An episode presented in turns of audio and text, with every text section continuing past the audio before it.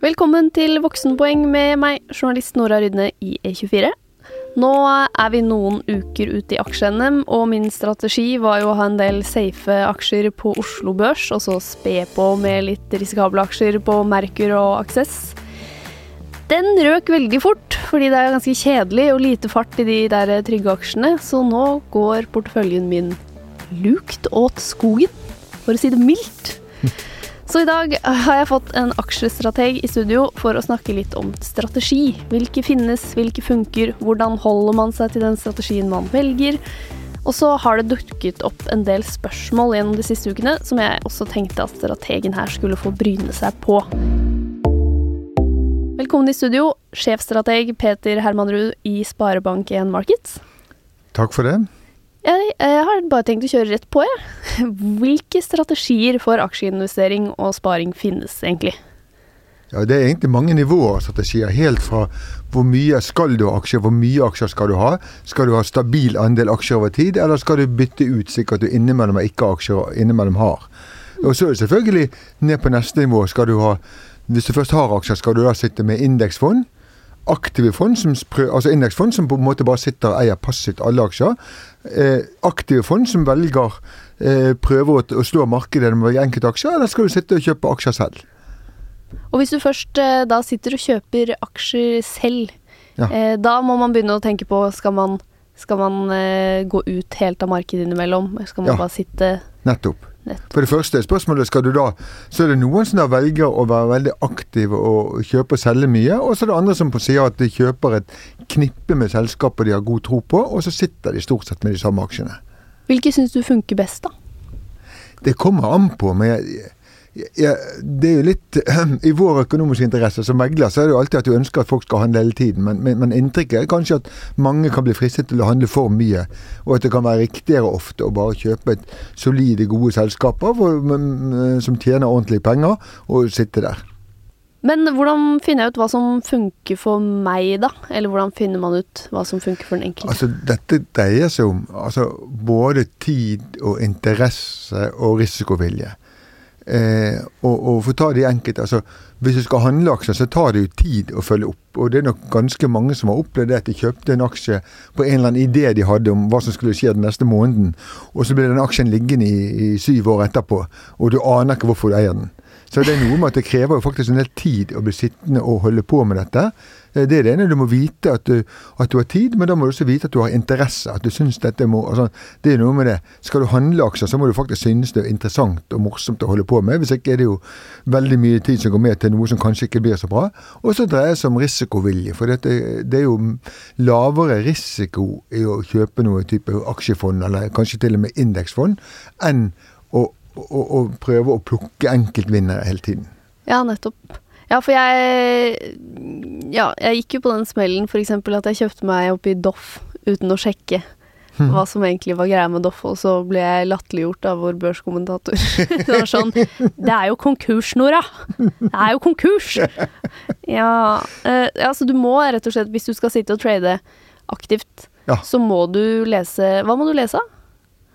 Altså, det hjelper jo mye. Altså, jeg leser jo sånn, altså finanspressen selvfølgelig, Finansavisen, Dagens Næringsliv og sånne ting. Og, og, det er jo veldig mye ute. altså jeg sånn Wall Street Journal holder meg alltid orientert om, og, og, og mye annet på nett. Mm. Men, det, men, det, gjelder bare altså, man må, holde seg, man må lese og holde seg orientert. Mm. Så hvis du skal daytrade, da, så må du være veldig interessert. Og så hvis du skal, liksom, som du sa i starten, kjøpe deg opp i noen som du har ganske stor tro på, sånn som var min originale strategi, mm. og kjøpe noen som var sånn Som ikke kommer til å falle mye, i hvert fall. Mm. Da kan du følge med litt mindre? Da kan du følge med litt mindre, ja. Nettopp. Og det er mange, mange store formuer som har basert seg på, på måte, at de bare velger Det er noen selskaper de bare Og du kan bruke uendelig med tid. De kan bruke månedsvis på å bestemme hvilke aksjer de skal være, eller årevis, for den saks skyld. Men når du først går inn da, så er det med tanken på at du sitter veldig lenge. Nettopp. Ja, mm. fordi jeg fikk jo også beskjed om at uh, det man skal gjøre hvis man skal daytrade, det er um, cut losses and let The winners run. Ja, noe sånt. Mm. uh, det er, men det er vanskelig å holde seg til. ja, og det er egentlig ikke altså Der finnes jo ikke noen enkel strategi som, som, som alltid funker uansett. Nei. Alt det der høres jo riktig ut, men det er ikke så lett. Veldig Eh, vanskelig. Ja.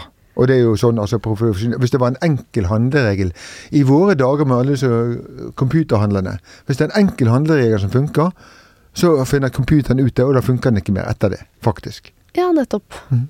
Ok, Så det tryggeste hvis jeg bare vil spare, det er kanskje å kjøpe en del trygge aksjer? Ja. Som ikke skal sånn Hvis du bare vil spare, hvis du ikke Altså, det er morsommere, selvfølgelig. Det er mye mm. morsommere å, å handle ordentlig. Men hvis du bare vil spare og, og på en måte vil sørge for at pengene yngler, så er det bedre kanskje ofte å kjøpe et knippe med ordentlige aksjer som du tror på, og sitte der. Eh, Senere skal vi litt tilbake til litt sånn eh, daytrading-spørsmål her, men eh, hvis vi eh, går mer på den strategien om at du i hvert fall ikke skal gjøre noe store tap, og at pengene dine skal yngle, hvor mange selskaper bør jeg ha i porteføljen, eh, er det noen forskjeller på strategi der? Ja, altså, det, det kommer litt an på eh, For det første er det faktisk hvor mye av pengene dine er i aksjer. Altså, noen har på en måte god økonomi, og så tar du litt penger i aksjemarkedet. Da, er du ingenting i veien for at du eier to aksjer. Eller én, for den saks skyld.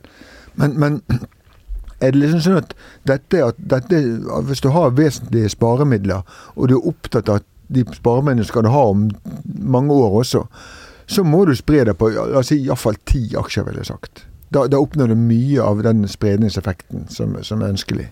Ikke sant? Og da kan man kanskje gjøre litt sånn som jeg hadde tenkt, å kjøre noen risikable, eller? Ja, det, altså, altså Jeg tror det er riktig å ha noen risikable aksjer innimellom, men bare man må passe på at ikke man har for mye. for det eh, man må passe på at ikke du kommer i økonomisk uføre, rett og slett, fordi at man satser alt på et eller annet som du er så sikker på går bra. Ja. ja, for det er noe som går veldig bra en liten stund, og så mm. ah, Skulle blitt jeg hadde vint og DNB. Ja, ja. Men uh, hvor stor andel risiko eh, ville du hatt, da, hvis du bare skulle ha en sånn Hvis du skulle gå for en trygg aksjesparingsstrategi? Ja, Det er jo vanskelig å si hvor stor risiko, for det er vanskelig å måle hvor mye risiko du har. Men det er bare det generelle problemet at altså, man må tenke seg om. Altså, man må vite at selv om man har spredd all risikoen, og du sitter med et utall av forskjellige aksjer, så er det fortsatt sånn at innimellom faller markedet 50 Så hvis du da sitter med fem aksjer, så er det plutselig sånn at du risikerer at det faller 75% Gjennomsnittet er bra likevel, eh, og sitter du lenge nok, så går det nesten alltid bra hvis du bare sprer risikoen. Men, men man må tenke gjennom selv hvor mye tåler jeg egentlig at dette faller. Hvis det nå kommer, la oss si i dag, hvis det nå kommer et nytt koronautbrudd som er like ille som det forrige, og, og vi stenger ned igjen hele økonomien, tåler du det? Sant? Hvis du får en ny reaksjon som du hadde i, i vår, eller verre. Ja, for da vil du jo helst også bli sittende på de aksjene når de går i den Når hele markedet går ned, så vil Ja. du vel bli sittende på dem sånn at Ja. den kan følge Da markedet. er det lett å tro at du skal selge ut hvis det faller. Men det er ikke sånn det er. sant? Det faller først, og så må du tenke etterpå om du har lyst til å selge ut eller ikke. Ja, Det er ikke sånn, det er ingen forunt å vite at nå kommer det til å falle veldig mye, så nå selger jeg meg. Nettopp. Nei, men jeg husker, jeg husker jeg snakket med noen strateger rett før korona brøt ut, som Mm. liksom jobbet med å koronasikre porteføljen sin. Mm. Og da kjøpte de, kjøpte de mye sånn Telenor og Orkla og sånn, fordi Mm. det var Ja. typisk selskaper som ikke blir så påvirket. Ja. Eh, men hvis man sitter på noe annet som du tenker dette kan gå konkurs hvis hele markedet går ned, Ja. da bør du vurdere å selge deg ut. Ja, altså først av alt så tenker jeg, altså det gjelder også strategi. Man må, hvis, mange har jo, som handler aksje, aksjeaktivt, har jo belåning på porteføljen. Mm. Eh, og da er du ordentlig utsatt, selvfølgelig. For da er det litt sånn at selv om selskapet ditt klarer seg bra, eh, så, så, så faller bare kursen så mye at banken selger ut for deg, og så får du ikke glede av oppstigningen etterpå. Dette er en veldig eh, ofte møtt problemstilling. For oss som sitter i meglere, så vet jeg bare det at i perioder er det sånn at veldig mange kunder blir tvangssolgt. Oi. For det banken sier bare at ja, men vi har belånt 50% og kursen har falt så mye nå at, at enten må du komme inn med ny kapital her, eller så må vi bare selge. Men det er snakk om da hvis du har fond, eller? Nei, det er hvis du har enkeltaksjer. Altså Noen driver belåner enkeltaksjer. Å, ja, de, de har portefølje, og så låner de penger inn mot det. det, det Ja, det er litt som å låne mot boligen din. Ja. Men det er jo klart at boligen din er litt mer stabil i verdi enn en Bitte enkeltaksjer. litt. Ok, så det, men det leder oss jo inn på litt sånn eh, tidshorisont også. Altså hvis jeg putter pengene mine i aksjer, og så har jeg tenkt at de skal yngle for at jeg skal kjøpe f.eks. bolig Ja. et år senere, Mm. hva kjøper jeg da? Da skal du sannsynligvis ikke ha aksjer. Ok, Altså, For du kan aldri vite. Nei. Det kan alltid falle 40% liksom. Sant? Altså, det kan skje. Og, og, og, hvis det er helt ødeleggende for deg, så skal du ikke ta den risikoen. For, for, for i gjennomsnitt i forhold til banken, så får du kanskje 5% ekstra per år mm. ved å sitte i aksjemarkedet. Så det er hyggelig, men det er ikke avgjørende likevel i forhold til den risikoen du har. Men derimot, hvis du har en familieformue som på en måte skal bestå til neste generasjon, så er det jo meningsløst å sitte med penger i banken. For hvis du har en lang år sånt, i gjennomsnitt sitter du med aksjer i 30 år, så har du i gjennomsnitt fått en syvdobling av pengene dine i forhold til å være i banken. Nettopp. Mens hvis jeg har ett år så, så, er det liksom sånn Ja, det, det de pengene der det er 5 ekstra liksom, mot risikoen for at det går helt galt. Nettopp. Ok, så det må med i strategien. Ja. Hvor, men hvor, langt, eh, hvor, lenge ville du hatt en tidshorisont på å bruke de pengene? Eh, for at det skulle være verdt å være i aksjemarkedet? Ja, det kommer an på hvor mye. Hvis det er penger du absolutt må ha på et tidspunkt, så skal du ikke ha mye aksjer eh, hvis det er innenfor fem år. Okay. Hvis det er ti år til, så begynner du å kunne ha en ganske stor andel i aksjer. Men selv da må du ta høyde for at selv i tiårsperioder kan du tape en del på aksjer i forhold til bank. Så du skal men, men, men, langt? Ja. Et sted der omkring vil jeg føle vil jeg si grensen går. Hmm. Det er greit å vite. Hmm. Men hvordan finner jeg disse aksjene som jeg har tro på, da? Du nevnte jo det i starten, at uh, hvis jeg skal ha en trygg aksjesparing, så kanskje jeg burde bruke god tid på å finne noen som jeg virkelig tror på. Ja. Eh, jeg, jeg, tror du må begynne med altså, at endringer det er kunsten å finne aksjer som stiger. og Spørsmålet er hvorfor stiger kursene. Og til syvende og sist stiger kursene fordi at forventningen til aksjer endrer seg. Forventningen til selskaper. Altså, markedet har en formening, og markedet, la oss si Du kan tenke deg at aksjene er kursene satt av de ti flinkeste. De som kan mest om, hvis du sitter med DNB, de som kan mest om DNB i verden det er egentlig de som bestemmer hvor kursen er. Mm. I veldig stor grad. Og dermed ligger det mye forventninger allerede. Det er akkurat som om du better på en fotballkamp. Så er det hyggelig at du tror at Liverpool slår Swansea.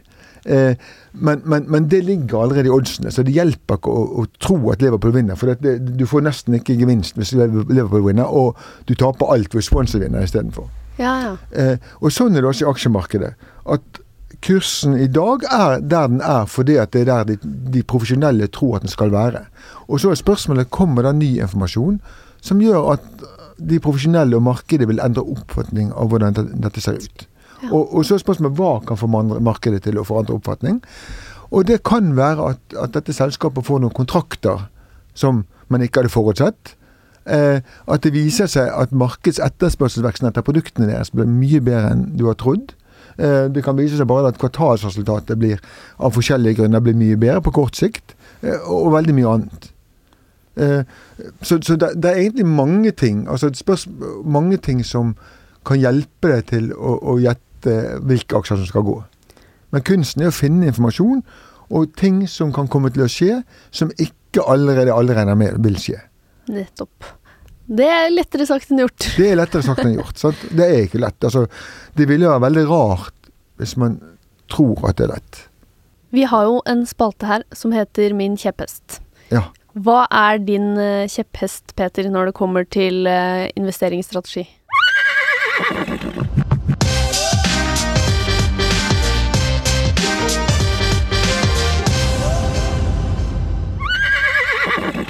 Kjepphest nummer én er når det gjelder hvor mye aksjer du skal ha, så er det et spørsmål om Altså, jeg tror det viktigste ikke er å gjette om det går bra eller dårlig med økonomi eller hva som helst. Det viktigste er bare hvis, hvis det er for mye eufori, hvis prisingen er for høy, så skal du passe deg for å ha for mye aksjer.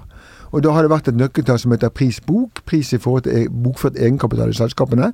Og, og siden den norske indeksen oppsto i 1983, så har den vært helt fantastisk god i å styre om du skal ha mye eller lite aksjer. Eh, ingenting er absolutt, men den har vært helt ufattelig god. Og jeg tror at den kommer til å være ufattelig god de neste 30 årene. Så pass på at du har mye aksjer når prisbok er lav, og så skal du være forsiktig når prisbok er høy. Eh, og det typiske er da at prisbok er lav i dårlige tider, så da skal du ha mye aksjer, og prisbok er høy i gode tider, så da skal du ha mindre aksjer. Ok, Men, men hvordan, hvordan, funker det? Hvordan vet jeg at prisboken er lav og høy? Det er ganske Altså, vi publiserer ting om hvor pris bok er hele tiden. Altså sånn månedlig iallfall, så sender vi ut ting. Eh, så det Altså Vi regner på en spe, litt spesiell måte. og den, Det tallet på 2,1 omtrent i dag. Det er ganske høyt. Altså Vanligvis ligger det mellom 1,5 og 2,1. Det har alltid lønt seg under 1,5. Det har aldri lønt seg over 2,1 omtrent å sitte med aksjer over tid. Ok, Så jeg kan google prisbok. Du kan iallfall sjekke Ja, man kan, de som har tilgang til Bloomberg og sånne ting, kan finne et ganske godt tall på det. Ja, Eller Det har vi vært du- innom, for det er jo fryktelig dyrt. Ja, ja, det er fryktelig dyrt. sant? Eller så kan du få tilgang til analysene våre. Så har vi det iallfall hele tiden. Ja, for det har vi vært inne på før også, at du kan få tilgang på en del eh, fra banken din. Ja. Ja. Ja. Så Altså, vi har det som en som, relativt sånn grunntilbud, at, at folk får en del grafer som viser hvor vi er. Nettopp. Så hvis, men eh, hvis da prisboka er lav, da blir jeg sittende på aksjene mine. Da skal du, ja, da skal du ha så mye er høy? som du tåler. Da burde jeg selge meg ut. Ja, hvis den er veldig høy, så bør du selge det ut, og, og du skal iallfall ha mindre aksjer.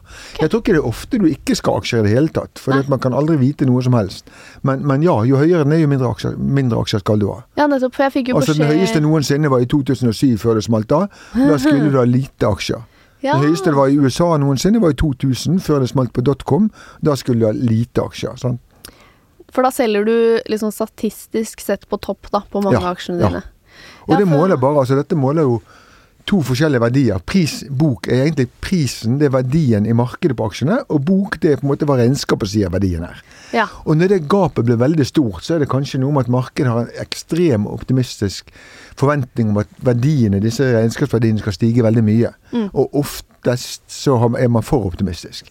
Det er alltid slik at disse prisingene er veldig høy, god og høy når det har vært gode tider lenge. Da begynner man å tro at det alltid skal være gode tider, og det varer aldri hele tiden. Nei, nettopp.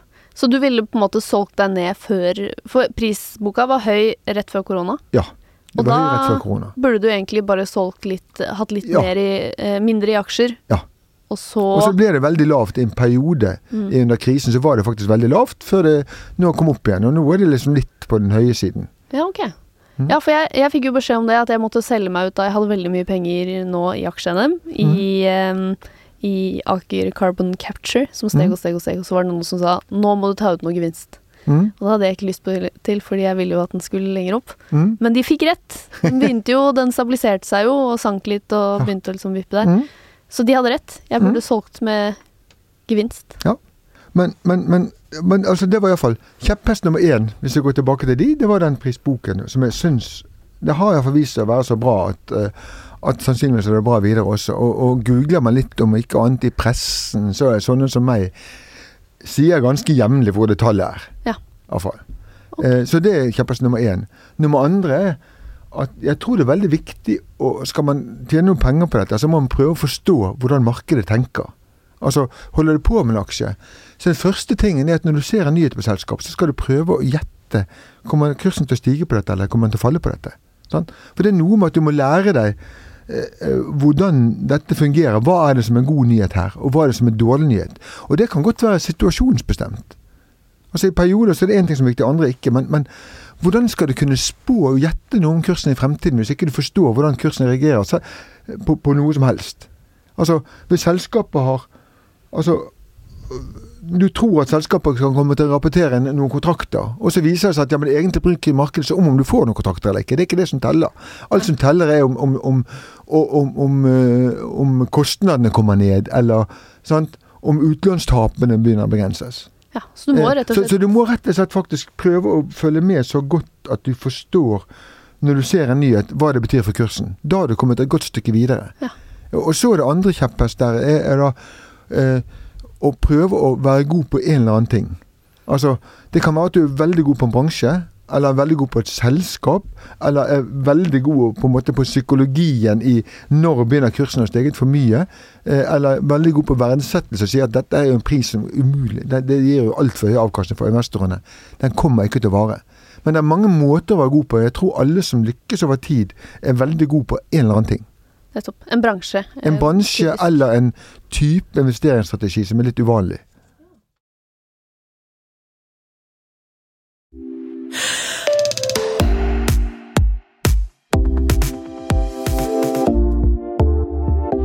Men nå har vi jo vært inne på at man kan lese seg opp og sånn og sånn. Men vi skal videre på noen spørsmål her, og det første går litt på eh, kunnskap eh, versus flaks. Hvor mye er egentlig flaks, og hvor mye er ferdighet når man investerer i aksjer? Og, og når folk spår om aksjekurs, sånn som dere jo gjør. Ja. Altså, Jeg burde egentlig ikke si dette, her, men det er mye, veldig mye flaks og uflaks. Iallfall på enkeltspådommer. Så er det bare ekstremt altså, Og det er litt igjen Det hjelper ikke å gjette at Liverpool slår Swansea. Igjen, du må klare å spå om de oddsene som ligger der allerede, er gode eller dårlige. Og det er noe helt annet, og det er vanskelig. Fordi kursen er der den er, fordi det er gjennomsnittet av de flinkeste som, som tror den er der. Eh, og, og selv hvis du tar på de som har vært mest vellykkede som aksjeforvalter gjennom tidene, så treffer de De treffer ikke engang på seks av ti. Sant? Ja. De treffer liksom annenhver gang, men, men det er bare at hvis du treffer på 5,2 av 10 og bommer på 4,8 av 10, så er det likevel sånn at når du har mange aksjer i en lang periode, så blir du styrtrik av det. Du blir styrtrik på 5,2. Så, så for dette jevnt og trutt, så drar du fra hele tiden. De gode går litt bedre, og det, og det er litt flere som går opp og ned. Eh, og det kan være godt nok. Eh, men, men, allikevel, tar du verdens flinkeste, og får, han skal spå én aksje, så er det liksom Du setter alle pengene i det, så har du iallfall 40% sjanse for at det går galt. Uansett.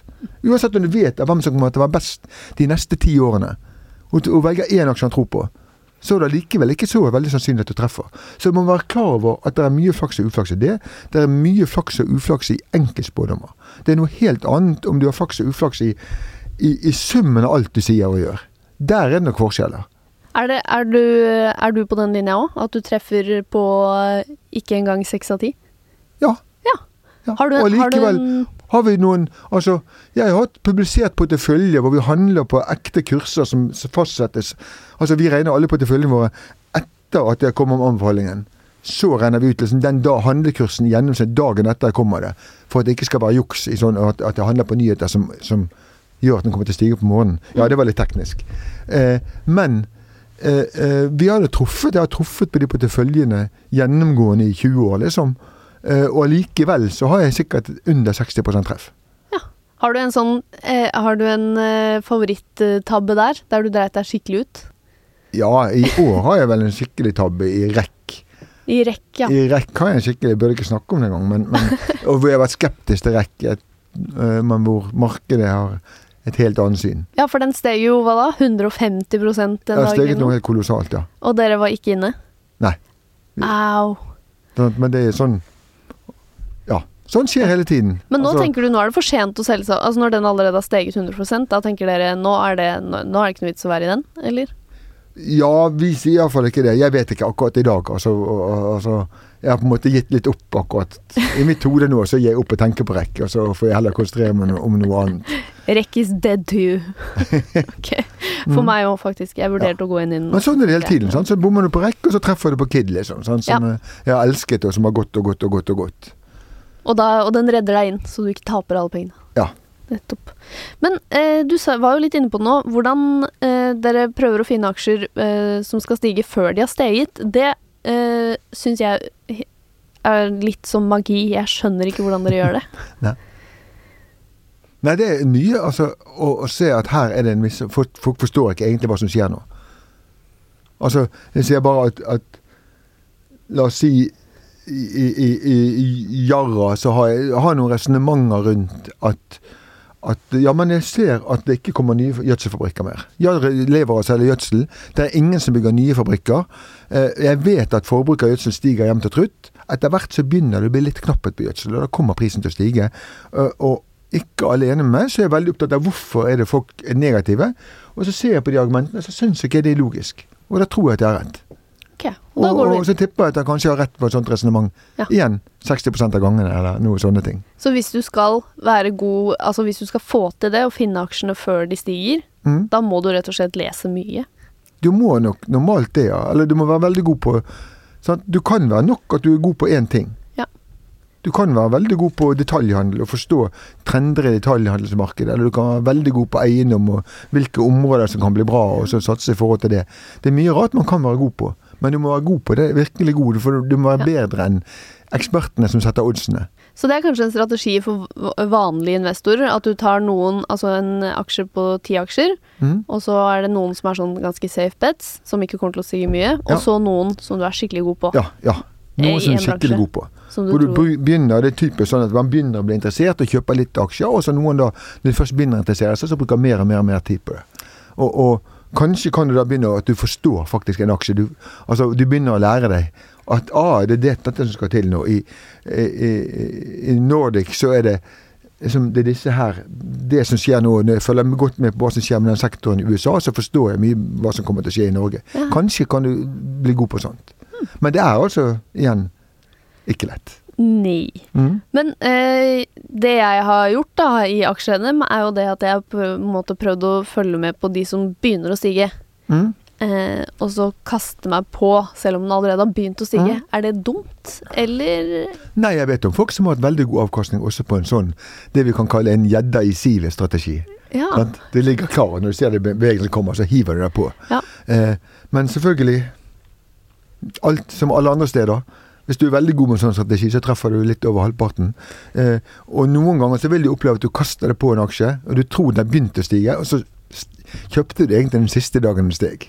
Ja. Det ble ikke noe mer av det, så bare falt den tilbake igjen. ja, for det har jeg lært meg nå, at man kan gå inn på den aksjelive-siden på E24, og så kan du se på en graf for tre år. Og så Mm. har jeg sett noen at det var sånn Å jeg hadde en stigning inn. det var sånn Ja. en bitte liten blipp opp fra Mm. bunnen, og Mm. så skal den videre ned.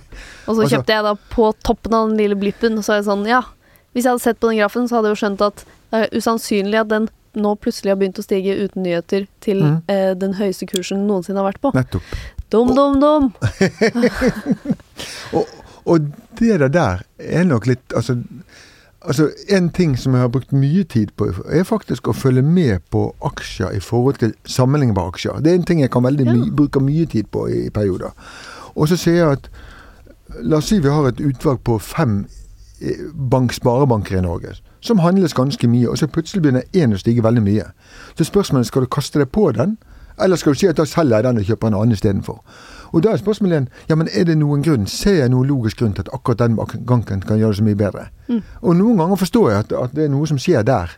Men mange, mange ganger er det kanskje bare det at det er en enkeltaksjonær som kjøper seg opp, og som kjøper kursen opp. Fordi at akkurat han hadde bestemt seg for at det er Sparebanken mest jeg vil eie, liksom. Og så kommer kursen altfor høy, og da skal du selge mot. Eh, og, og veldig ofte skal du selge mot på sånne bevegelser når én aksje går veldig mye bedre enn de andre.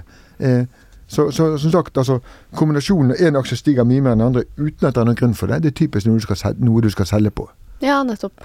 Så Havyard, for eksempel, som bare skjøt helt sinnssykt i været uten noen nyheter, og Ja. så kom noen nyheter etterpå. Mm.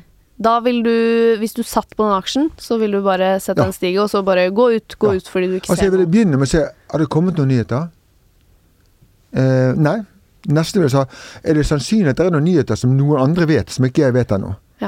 For det, I noen typer selskaper så kan det være sånn at det er en restrukturering på gang, og noen sitter mye, veldig nær på den situasjonen. Og. Da vil jeg bare si da, da holder jeg meg helt unna, rett og slett. Her er det sannsynlig at noen andre vet mye mer enn meg. Og da vil ikke jeg holde, rote meg inn i det vepsebolet. Nei, så da ville du ikke kjøpt, men Nei. kanskje blitt sittende. Ja, det kommer, da kommer an på Ja, hvis jeg liker ellers har bestemt meg for at jeg liker det selskapet, så vil jeg bli sittende. Ja.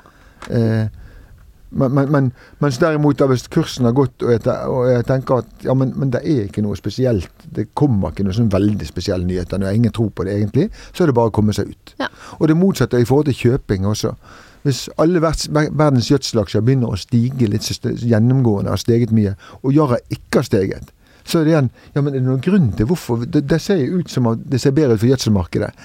Yara har ikke steget. Er det noe spesielt rundt Yara som gjør at ikke de stiger? Nei. Sant? Og da er det bare å komme seg inn. Og det kan f.eks. være at en stor aksjonær har bestemt seg for igjen og bare, nå skal han bare ut av Yara. De må kanskje ha pengene for de skal bruke pengene til noe annet. Eh, og så faller kursen litt av den grunn, og da får du en sjanse til, til å kjøpe veldig billige aksjer. Ja, smart. Ok, det skal jeg gå og gjøre. Lage meg en sånn bransjeliste på den derre aksjeliven. Ja. Se.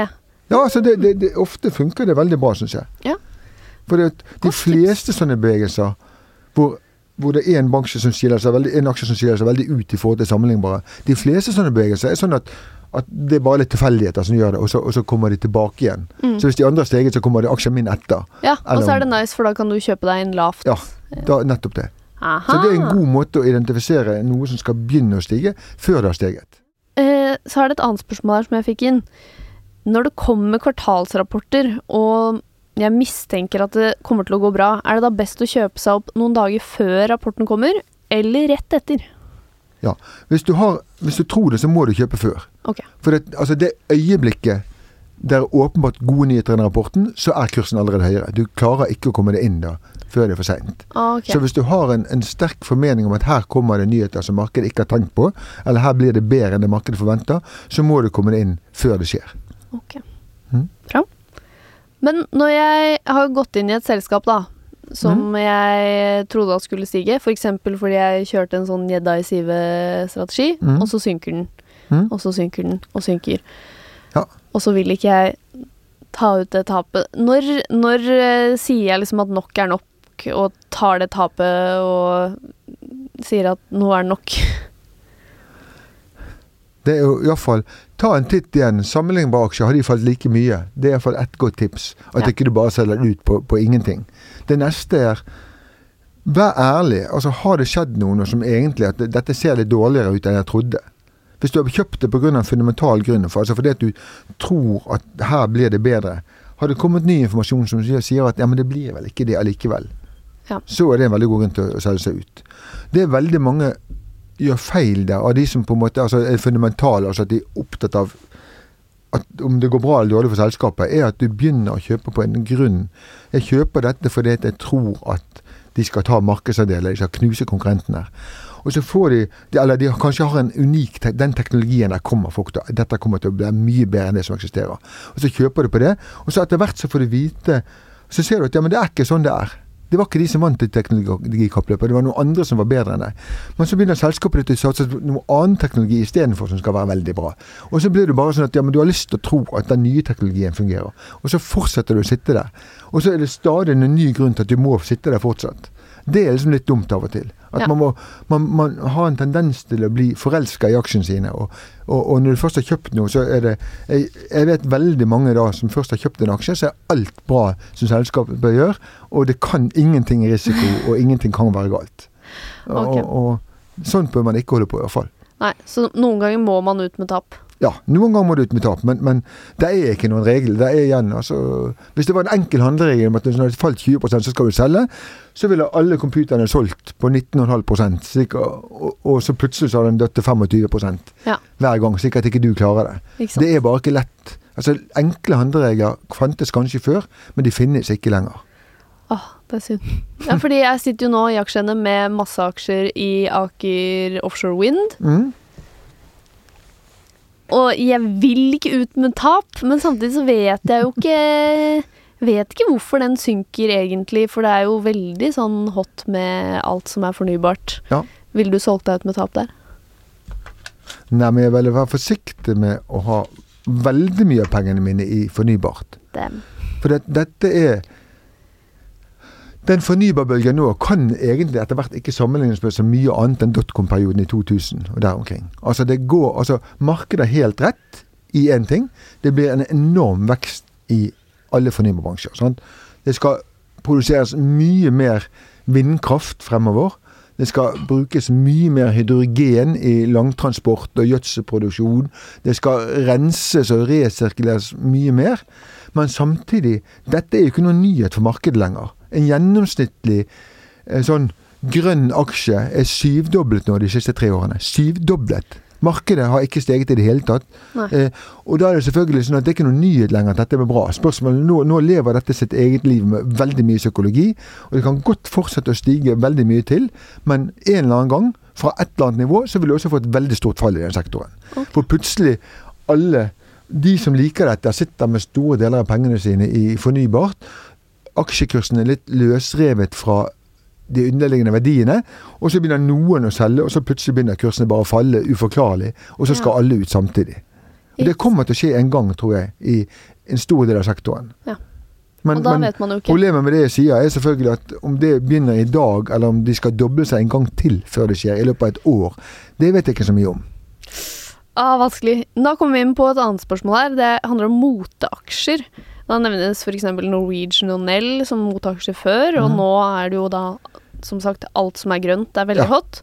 Hva tenker du om å investere i sånne moteaksjer? Ja, ja Det går veldig mye inn på det jeg sa nettopp i sted rundt eh, den grønne bølgen. At, at, for det er nok den største moten i dag. Det er alt som er grønt. Mm. Og, og, og det er utrolig Det gjøres jo Det skapes først utrolig mye nye formuer i disse bølgene. For dette er jo Det begynner med en helt reell endring. Sånn moter starter nesten alltid med en, reell underliggende endring i, i, i markedet. F.eks. grønn teknologi eller fremveksten av internett. Eh, og, og, da kan de som er smarte, da klare å tjene veldig mye penger, for de finner nye selskaper eh, som plutselig blir en del av denne bølgen. Det mest spennende alt er av og til å finne eh, de, eh, du kunne få se de aksjene som plutselig blir en del av bølgen, som ikke var det. Sånn, bølgen raser av gårde, og så plutselig hiver det seg noe nye på, og så suser de av gårde. Og Aker Offshore Wind, som du nevner, et, og Aker Carbon Capture er et fantastisk eksempel på akkurat det. De selskapene de var jo bare en del av selskapet som het Aker Solutions. Sånn? Aker Solutions var et ingeniørselskap. Det drev med, altså i stor grad, det drev med offshore, olje. Det var fossilt, det var, det var stygt og skittent, og markedet hatet det.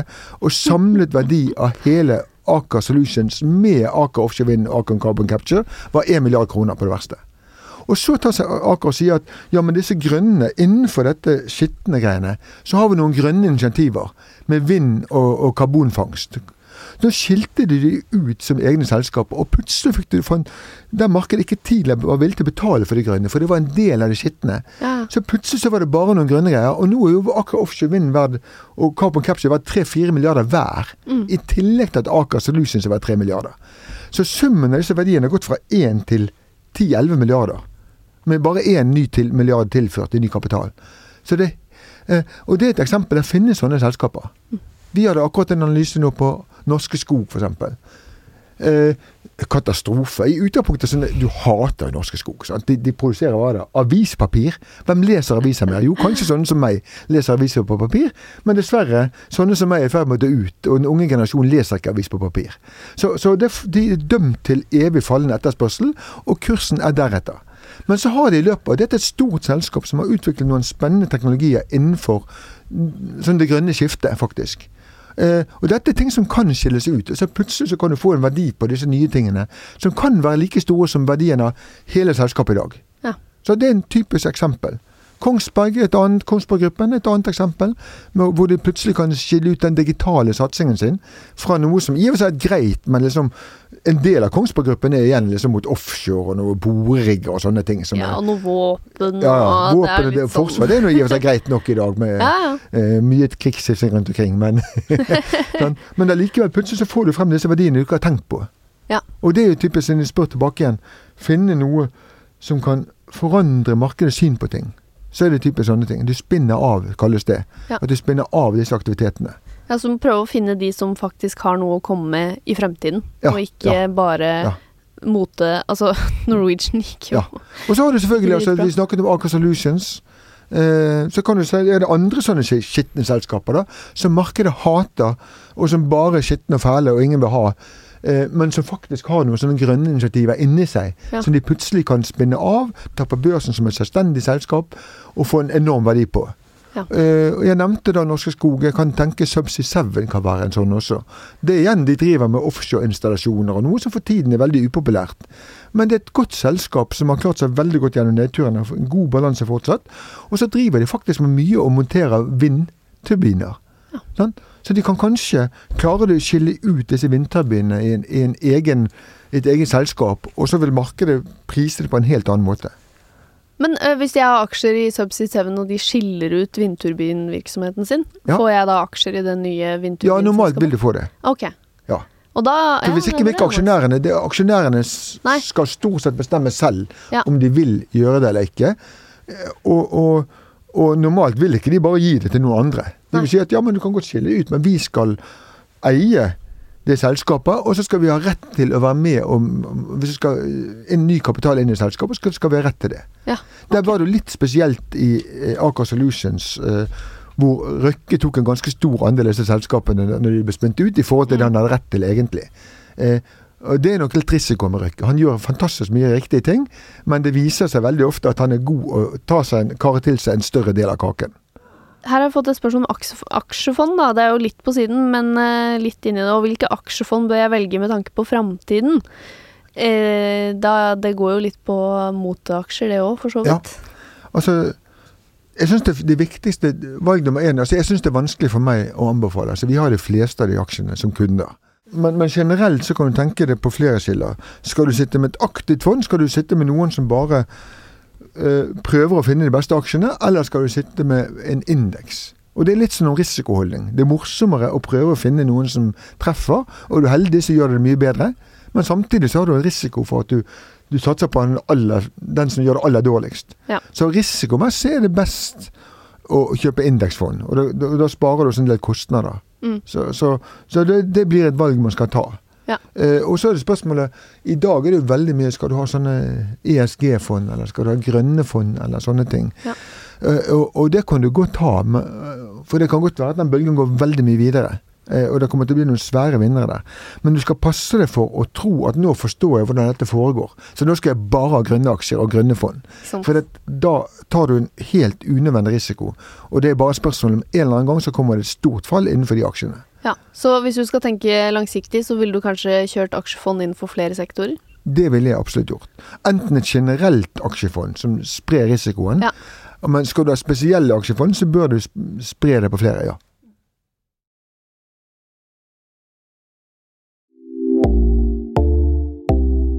Det jeg fant ut her om dagen, og det gjorde også en av våre børskommentatorer, da vi satt og investerte i, eh, med tullepengene våre i aksje-NM, det var at det var eh, ganske stor forskjell på kurtasjen eh, for kjøp på forskjellige aksjer. Mm. Eh, hvordan vet man det? Dette er kanskje et kjempedumt spørsmål. Men i alt aksje-NM så var det ingen mulighet for å finne ut det, i hvert fall. Eller jeg bare tenkte ikke på det. Jeg tenkte Mm. kjøper jeg, og så var det sånn Oi, der eh, har jeg plutselig 300 kroner i tap bare på å kjøpe aksjen. Hvorfor det? Mm. Det var rart. altså, For å være helt ærlig, det er et, et, så enkelt spørsmål at jeg ikke klarer å svare på det engang. For vi har, altså, Mitt fokus er jo først og fremst rådgivning overfor de som har veldig mye penger og er veldig profesjonelle. Eh, og de vet sånne ting hele tiden. sant? Eh, jeg ville jo trodd at handler du på nettet, så, så, så er det lett tilgjengelig informasjon om hva dette kommer til å koste deg. Mm. Men jeg vet alt at ikke hvor du finner det og sånne ting. Nei. Jeg Men- handler ikke på nettet, liksom. Ja, fordi sånn jeg skjønte det, så er det liksom at de små selskapene er mye dyrere å kjøpe aksjer i. Akkurat. Mm. Er det riktig? Du vet ikke Det kan godt være. Jeg vet at for eh, Altså Det er godt mulig altså Kutasje er én ting. Det andre tingen som man opplever, det er at hvis du begynner å ha litt penger å investere for, så er det at hver gang du skal kjøpe en, en, en liten aksje, så stiger den mye fordi du kjøper. Og så skal du selge igjen, og så faller den mye fordi du selger. Og, og det, det kalles jo likviditet. sant? Altså, Hvis det er lite omsetning i en aksje, så er det veldig få kanskje som kjøper den aksjen. Og, og du skal være litt heldig. Hvis du har lyst til å selge, så er du heldig hvis du finner en som har lyst til å kjøpe akkurat da. Ja. Og sånn sett er det mye tryggere å holde seg til eh, aksjer hvor det er mye omsetning. Ja. Altså, og det er litt større selskaper, typisk. Nettopp. Og det kan man jo også finne også på, både på Oslo Børs eh, sine nettsider Ja. og på eh, alle sånne nettaviser som Ja, har da kan du finne sånn gjennomsnittlig daglig omsetningsvolum og Ja. altså, sånne ting oppgis hele tiden. Jeg mistenker at jeg har noen selskaper i porteføljen som har veldig lav andel. Ja. ah, Og av og til er det jo det at disse tingene, disse aksjene du opplever som faller og faller og faller, og når du endelig bestemmer deg for å selge ut, så finner du bare ikke kjøpere mer. Altså da er det på en måte Skal du prøve å få solgt det da, så må du mye lenger ned i kurs en gang til. Da skal jeg prøve å oppsummere litt her, Petter. Altså på strategi, velg en tidshorisont, og er du over ti år i markedet, så har du ganske god sjanse for at du tjener penger og ikke taper masse. Med en kortere tidshorisont så kan du tape ganske mye fort hvis markedet svinger, for det gjør det jo. Eh, Og det er en del flaks ute og går, også for ekspertene. Hvis du skal la pengene yngle i lang tid, så bør du kjøpe en del trygge aksjer som kanskje handles ganske mye, og så kan du heller leke deg med noen risikable på siden med en sum som det ikke er krise å tape. Eh, sjekk prisboka, det er en av kjepphestene til eksperten i studio i dag. Den sier noe om hvor dyrt eller billig markedet er. Altså gjennomsnittet av aksjene på børs, den ligger vanligvis mellom 1,5 og 2,1. Her mener eksperten at du bør ha mindre aksjer når den er veldig høy, og så bør du ha en eh, strategi om å fylle på når den er lav, rett og slett. Du kan finne ut hva prisboken er i Finansekspressen, f.eks. på E24, eller sjekke med markedsavdelingen i banken din. Og så bør du prøve å forstå noe. Altså å forstå alt på børsen er vanskelig hvis du ikke er profesjonell, men du kan finne en sektor som du forstår, der du kan lære deg hvordan kursen blir påvirket, og hvordan det går generelt i bransjen. Og da kan du også eh, gjøre noe Peter mener er smart. Da kan du sammenligne aksjer innenfor et felt, og så kan du se om noen er billigere uten noen spesiell grunn, og da kanskje skal opp. Var det greit, Petter, eller har du noe Ja. å legge til? Ja, altså Skal jeg huske på råd, så ville jeg kanskje bare sagt pass på iallfall ikke å ha for mye gjeld i forhold til aksjeporteføljen. For uansett hva du sitter med, så kan det falle mye. Ja, så ikke, ikke ta opp lån Ikke tro at, ingenting kan, at ting ikke kan falle for det går så bra, eller noe sånne ting. Ikke sant? Som eksempel mot aksjer. Ja, Vær litt forsiktig der. Vær litt forsiktig der. Tusen takk for at du kom hit i dag, Peter Hermanrud, sjefstrateg i Sparebank1 Markets. Takk. Produsent i dag var Sunniva Glessing. Og hvis du vil ha litt eh, bonusmateriale, gode tips og råd og eh, forskjellige ting, så må du gå og følge oss på Instagram, der vi heter Voksenpoeng med Nora.